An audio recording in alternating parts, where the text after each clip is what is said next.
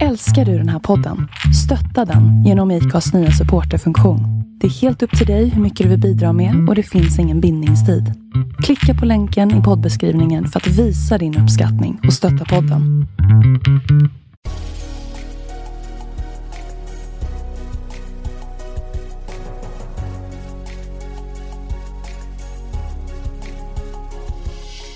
Välkommen kära lyssnare till podden Vart är vi på väg? I denna podd intervjuar vi framgångsrika sociala entreprenörer och andra personer som är involverade i ekosystemet kring socialt entreprenörskap. Vi vill ge dig som lyssnare tips och inspiration till hur innovativa idéer och entreprenörskap kan vara lösningen på samhällsutmaningar som vi står inför. Vi vill även inspirera människor till en livsstil med hållbara vanor och självklart lyfta fram alla fantastiska sociala entreprenörer i rampljuset. Just detta avsnitt är en livepodd som spelades in under Norrsken Impact Week. Norrsken Impact Week är ett event som gick av stapeln för första gången tidigare i september. Bakom eventet står Norrsken Foundation, som med detta event vill rikta strålkastarna mot och fira över 100 impact startups. Och vi hade som sagt äran att vara med och spela in livepodd. Detta samtal har rubriken Mäta Impact. Hur och varför? Många möter säkert utmaningar inom att mäta den positiva samhällseffekt som man har genom sitt företagande. Går det egentligen att mäta impact? Hur gör man för att mäta? Och varför ska man mäta? Ja, mycket spännande och med oss i det här samtalet hade vi Angelica Berg som jobbar som Sustainability Specialist på PWC här i Stockholm. Så välkomna att ta del av detta mycket intressanta avsnitt. Nu kör vi! Det gör vi! Välkommen hit! Tack så mycket. Hur är läget med dig? Det är bra, det känns kul att vara här. Det är väldigt häftigt här allt som händer på Norrsken. Ja, du har varit här förut? Ja, PWC sponsrar ju Norrsken så vi är här lite eh, då och då. Vi sitter även här två dagar i veckan, ganska många från oss från PWC Ja. och hjälper och stödjer och arbetar tillsammans med Norrsken kring impact bland annat. Berätta, vad, vad gör du idag? Vad jobbar du med? Ja, men idag är jag hållbarhetsrådgivare på PWC sedan ett år tillbaka och jag leder också från hållbarhetshållet vår satsning på PWC som heter Sustainable Finance där vi tittar på egentligen hur den finansiella sektorn kan ställa om sig till en hållbar ekonomi. Och vilka, vilka kunder riktar ni er till när ni liksom säljer era tjänster? Och, Eh, brett egentligen kring, eh, det finns två motparter, egentligen finansbranschen som sådan.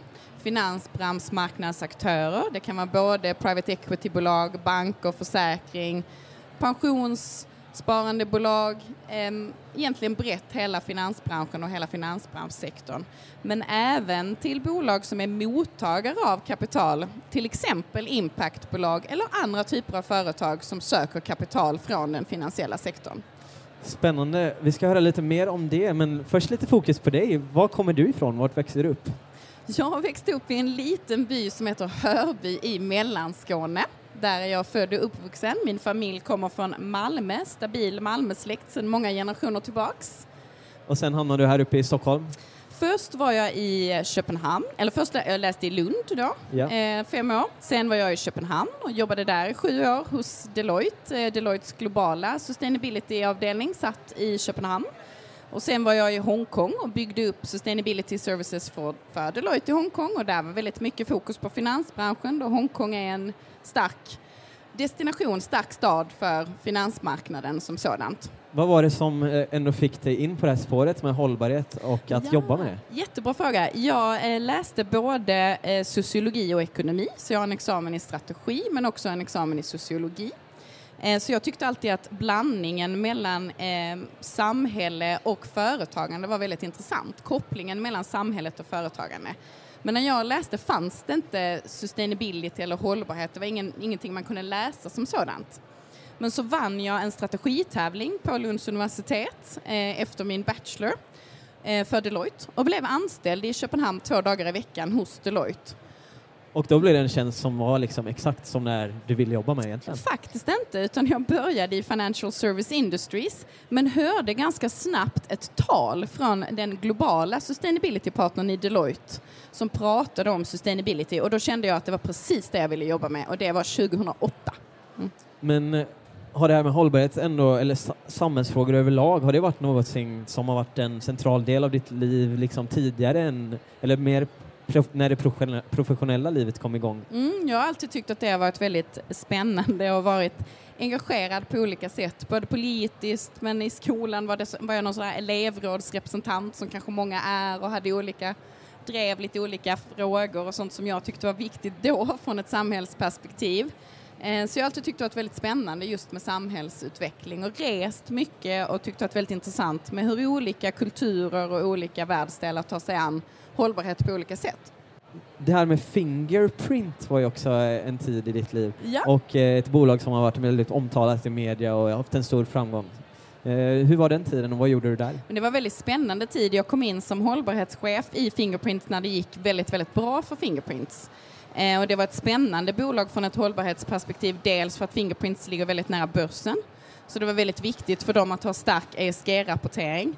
Men också då deras affärsmodell inom biometri har många hållbarhets, eh, både risker och möjligheter egentligen kopplat till hur man kan använda biometri för att styra beteende och, och som kan vara väldigt samhällspositivt.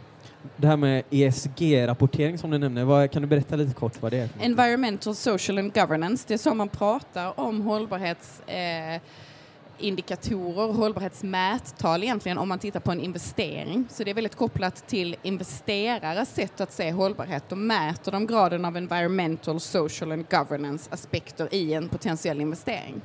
Just det, så det är, det är mer för bolag som kanske har kommit igång, kommit en bit på vägen med liksom de här ESG-rapporterna, eller? Ehm, men eh, det är egentligen sustainability, hållbarhet, corporate citizenship, corporate social responsibility, corporate responsibility. Det finns jättemånga olika namn på hållbarhet. Men allting har egentligen samma betydelse. Men om du är en, in, en investerare, en finansbranschaktör, då brukar man använda benämningen ESG. Det är det man tittar på om man är finansbranschen och tittar på ett företag utifrån ett hållbarhetsperspektiv. Yes, och det här med impact entreprenörskap då som vi, som vi pratar mycket om eh, i podden. Eh, vad är det för dig för något? För mig så är det att man har någon form av positiv påverkan, positiv impact på samhället i någon form i sin affärsmodell eller genom de produkter, varor och tjänster som man erbjuder inom sitt företag. Mm.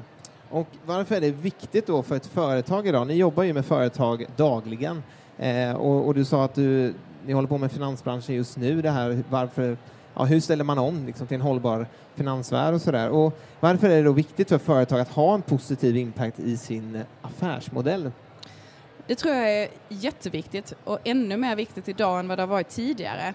Om man bara kan, om man bara kan tillföra finansiell avkastning då kan man ju vara viktig utifrån ett finansiellt perspektiv. Men när man också kan visa vilket värde man bidrar i allmänhet i stort med sitt företag då kommer man alltid vara relevant. Om man kan visa att mina produkter, varor och tjänster, det, det arbetet som jag genererar genom mitt företag är positivt på något sätt, är behövt, ha en bra impact på samhället, då kommer man alltid finnas kvar. Och då kommer man alltid ha en, ett värde som kommer uppskattas utöver det finansiella värdet. Så det bästa är om det går både hand i hand, att man skapar finansiellt värde, finansiell avkastning, men också positiv avkastning på samhället i någon form. Det kan ju ofta upplevas här med ESG-rapportering och hållbarhetsarbete att det är lite som man kallar det ibland för impact washing, typ att vi har egentligen en negativ klimatpåverkan kanske i våran affär, i det vi gör. Alla företag har både negativ impact i form av kanske om man sourcar råmaterial, koldioxidutsläpp eller det kan vara effekter som ens leverantörsled har eller ens tjänst har när den produceras eller används eller liknande. Samtidigt som man kan ha positiv påverkan, speciellt om man är ett impactbolag då. Och det är väldigt viktigt att mäta den holistiska påverkan så att man verkligen får sin reella påverkan och den ska ju då helst vara mer positiv än negativ. Och det ger en också då möjlighet, om man vet sin negativa påverkan, så ger det en möjlighet att kunna arbeta aktivt med att reducera sin negativa påverkan så mycket, för det vill man ju. Man vill reducera den negativa påverkan samtidigt som man ökar den positiva påverkan. Och det är därför är det väldigt viktigt att mäta de två, att känna till vad är min positiva påverkan och vad är min negativa påverkan. Så att man kan mäta båda spåren egentligen och arbeta aktivt med att reducera det negativa samtidigt som man gör det mesta och höjer och ökar effekten av sin positiva påverkan. Hur kan man mäta sin impact? Ja, bra. Först och främst så måste man ju känna till sin affärsmodell. Och impact kan ju också vara utanför det man egentligen tänker är sitt klassiska företag. Impact kan finnas i eh, innovationsdelen, i sourcingdelen om man är ett tillverkande bolag, transporten av ens produkter till och från sin fabrik eller till och från fabriken till kunden eller till, eh, till konsumenten. Det kan också vara inom sitt företag, hur ens personal har det, eh, påverkan från kontorsmiljö och liknande. Men det kan också vara när produkten används eller tjänsten används eller förbrukas. Eller också om den ska eh, skrotas, sopsorteras, återvinnas eller liknande. Så det är väldigt viktigt att känna till hela sin, eh, sitt, sin value chain egentligen och förstå vilken påverkan man har i de olika stegen. Hur kan man göra det då, att förstå verkligen de här ofantligt många leverantörsleden som ibland kan finnas? Hur kan man jobba med att få en överblick över allt som sker? Eh, det, om, om, man pratar specifikt om leverantörsled så drivs alla risker från två parametrar. Det ena är geografisk risk, det andra är industrispecifik risk. Om du tillverkar en produkt i Bangladesh eller om du tillverkar en produkt i Italien eller i Sverige så har samma produkt helt olika impact beroende på var den tillverkas. Det andra då är typ av industri. Om du tillverkar en, eh, ett klädesplagg eller om du tillverkar den här pennan som finns här så är påverkan helt olika beroende från textilindustrin, är en väldigt resurs, eh, arbetsresurstung industri så där kan finnas utmaningar till exempel med barnarbete eller utmaningar, labor-relaterade utmaningar men också kanske med kemikalier, hur man färgar kläderna eller liknande. Tar man denna pennan så ser den ut att vara gjord av plast. Då finns det annan typ av påverkan vid plasttillverkning som man inte har vid nödvändigtvis vid textiltillverkning. Så det, i leverantörsleden så drivs det alltid av antingen geografi eller industri. Det är de två riskområdena man måste känna till och kunna mappa från sin påverkan från sin produkt om man är ett tillverkande bolag. Mm. Och eh, för ett startup som eh, vill jobba med impact då, om man säger, det finns ju jättemånga i det här huset idag. Vad är de viktigaste delarna att ta hänsyn till när man utformar då sina impact-KPI kopplat till sin affärsmodell? Det allra viktigaste är att säkra att de är mätbara. Och då vill jag verkligen tipsa om GRI, en rapporteringsstandard, Global Reporting Initiative, som har tagit fram en del aspekter, både från den miljömässiga och den sociala och den governance-relaterade sidan, det vill säga hela ESG-spektret. Där kan man hitta väldigt många olika typer av KPI som man kan använda sig av och använder man sig av dem så är man också jämförbar med andra bolag då det är den mest använda standarden som man arbetar med att rapportera idag. Och finns inte de mättalen man vill ha i GRI kan man alltid göra sina egna men då är det viktigt att man tänker på att de är just specifika och mätbara och också att man kan ha samma metod år efter år efter år. För det är inte bra om man mäter på ett sätt ena året och så nästa år ska man följa upp och så får man ett helt annat resultat för att man inte har varit specifik i sin modell. Så väldigt viktigt att du bygger på samma återkommande eh, mätetal så att du kan jämföra hela tiden. Precis, och då gäller det att man väljer rätt mättal från början och det ska vara kopplat till ens strategi då. är det läge redan i början om man vill liksom dra igång en startup som löser någon av samhällsutmaningar som vi står inför? Är det läge att redan från början ta hjälp av någon som PVC eller någon annan aktör för att kunna forma de här kopiorna eller sin, eh, sina målsättningar? Det kan man göra och just för PVC så finns vi ju här på Norrsken eh, olika dagar i veckan då man kan komma till oss och få hjälp och, och vi kan hjälpa till och, och, bidra med det med vår kunskap och hjälpa till hur man kan tänka och så. Så det kan väl vara en bra modell. Det är också alltid bra att titta på andra. Men det viktigaste är att det är väldigt svårt att säga, att uttala, att skriva någon vision eller en önskan om impact man har om man inte också kan bevisa den. Och sättet att kunna bevisa den är att kunna göra den mätbar och kunna mäta den på ett erkänt sätt så att man kan jämföras med andra investeringsobjekt. Mm. Jag tänkte just på det, eh, om man är en startup ute i landet och man inte har tillgång till de här typen av nätverken som finns kanske i större städer. Vad är ditt tips där om man vill ha hjälp att utforma sina just kring impact och KPI och sådana här bitar? Eh, PVC finns, vi har väldigt många lokalkontor så vi finns i de flesta större städer om man vill använda sig av PVC. Men annars så är det, det finns ju väldigt mycket information på nätet som man kan ta del av och också att titta på hur andra företag har gjort är väl egentligen mitt bästa tips. Mm. Ja, men jättebra. Och för storföretag då, som du jobbar en hel del med, vad är de viktigaste delarna där för verksamheten att se över vid en omställning då till att bli mer hållbar? Den största utmaningen som storbolag har idag, alltså det är svårt, men om man ska säga en generell utmaning oavsett bransch, så är det att man har arbetat med hållbarhet i cirka 30 år nu i, i strukturerad form. Eh, de flesta vet vad hållbarhet är, de flesta vet vad, vad, sin egen hållbarhetspåverkan är. Man har hittat sig själv i hållbarhetsarbetet. Den allra största utmaningen de flesta står i nu är att integrera sitt hållbarhetsarbete in i sin affär.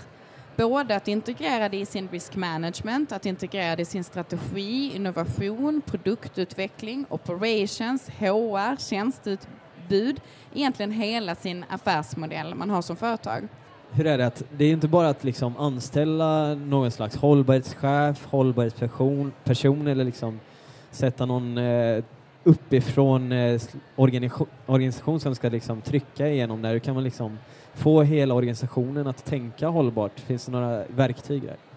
Dels så tror jag det är bra om alla har någon form av generell hållbarhets kompetens, eh, att man har en allmän kunskap om hållbarhet oavsett vilken del av bolaget man arbetar i och då kan det vara bra för bolag att ha en, en form av grundutbildning, e-learning eller liknande som alla kan ta del av i företaget för att få någon form av hållbarhetskompetens oavsett vilken roll man har. Men sen handlar det igen om in integration, att integrera de kompetenserna man har. Man har ju personer inom sitt bolag som är väldigt duktiga på olika typer av områden och då gäller det att använda sina experter och specialister oavsett om det är inom digitalisering eller teknologi eller innovation eller produktutveckling eller eh, risk eller sourcing eller sälj eller marknadsföring, kommunikation, vad det nu än kan vara och integrera den expertisen med en hållbarhetsexpertis. Så om man rekryterar en hållbarhetsperson så behöver man ju oftast mer än en person då, speciellt om man är ett större bolag. Men det gäller att den hållbarhetsteamet verkligen är ute och samverkar med alla andra experter som finns i bolaget så man får till den här integrationen och arbetar tillsammans och på ett integrerat sätt med hållbarhet. Och kanske ha ett mandat också att eh, trycka till där det går ett felaktigt sätt. Det är jätteviktigt och det är ju därför man ser att i de flesta företag så är hållbarhet seniort placerat och om det inte sitter någon person i ledningsgruppen som har ett dedikerat hållbarhetsansvar så brukar man ha någon form av referensgrupp eller advisory group eller stödgrupp på något sätt där personer från ledningsgruppen, ibland även styrelse, ingår. Det är jätteviktigt att det är seniort placerat för annars så har man ju såklart inte den påverkan man önskar att ha i ett företag. Det blir väldigt svårt i alla fall hållbarhet är ju väldigt eh, viktigt och på ett sätt också en trend att eh, arbeta med och utforma strategier med. Vad ser du också för trender framöver här kopplat till hållbarhet och hur storföretag jobbar med hållbarhet? Då kände jag lite att du sa att hållbarhet var en trend här. Då tänk, tänkte jag lite på vem det nu var som sa att internet var en fluga. Eh, jag, jag, vet, jag, tycker inte hållbarhet är en trend på det sättet utan jag tycker att eh, hållbarhet är jag helt säker på att det är här för att stanna för vi kan inte göra på något annat sätt än att ha hållbarhet med oss i vår affärsverksamhet. Så jag tror inte att hållbarhet är en trend eh, som sådant. Jag tror att eh, hållbarhet utvecklas med tiden och går igenom olika stadier om hur man arbetar med hållbarhet. Och nu står vi inför en omställning till en hållbar ekonomi. En ekonomi som både är lönsam och hållbar. Och därför finns det väldigt mycket möjligheter för impactbolag idag som är väldigt spännande. Inte minst eh, på grund av kommande EU-krav som är på gång. En stor reglering inom EU som kommer som är väldigt spännande och kan, man kan ha mycket glädje av tror jag om man är ett impactbolag. Ja, du var inne på det lite innan här vi började spela in. Vad innebär den här regeln? Det innebär att EU eh, är fast besluten om att leva upp till kraven i Parisavtalet som ingicks 2015 där vi eh, tillsammans inom EU bestämde oss för att vi vill hålla den globala uppvärmningen under två grader, helst under en och en halv grad för att undvika en global klimatkris. Och för att EU ska kunna leverera på detta har man inom EU beräknat att 180 miljarder euro behövs ytterligare investeras i hållbarhet årligen fram till 2030. Så man tillskjuter nu väldigt mycket kapital från EUs håll som ska omdirigeras från, det här är kapital som redan investeras idag, men ska omdirigeras till att investeras hållbart. Så det betyder ju också att finansbranschen nu måste gå ut och eh, hitta hållbara investeringar egentligen. Och den här EU, det kommer väldigt många olika typer av krav i den här EU-regleringen. Den är väldigt komplex, så vi kanske inte har möjlighet att gå in i djupet på den. Men det den gör är att den tydligt definierar genom sin taxonomi vad som är en hållbar investering. Tidigare har man ju kunnat säga att vad som helst är hållbart. Man har själv kunnat definiera att, att man tycker kanske att sin produkt är hållbar eller att man tycker att sin, sitt företag har, har en samhällspåverkan och därför är man ett hållbart företag på ett eller annat sätt. Nu gör EU en, en, egentligen en standardisering, klassificering om vad som är hållbart blir nu styrt enligt detta regelverket utifrån vad som är en hållbar investering från finansbranschen.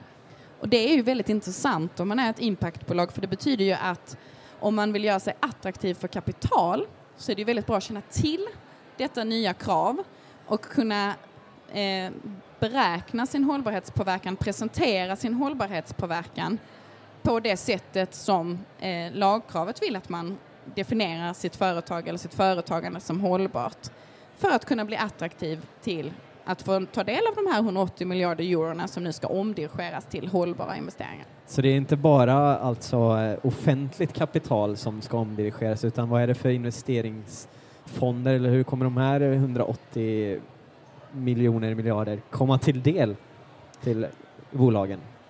Det, eh, det är ju kapital som idag, i dagens finansmarknad redan investeras men att man nu vill säkra att de investeringarna man gör också är hållbara.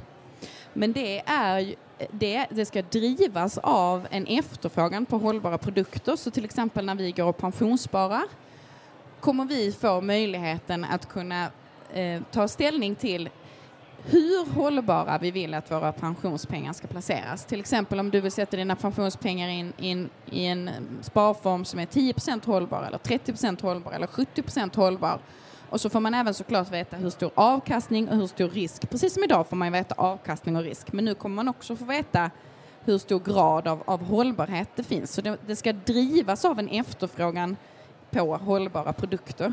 Men man ska säkra bakåt att de investeringarna som görs är hållbara utifrån hur nu EU definierar hållbarhet. Mm. Spännande. Du säger här att, eh, påstår här att hållbarhet inte är en fluga. Men hur länge kommer det dröja innan vi inte pratar om hållbarhet eller impact? Det här är något, utan att det är något naturligt som man alltid kommer att syssla med.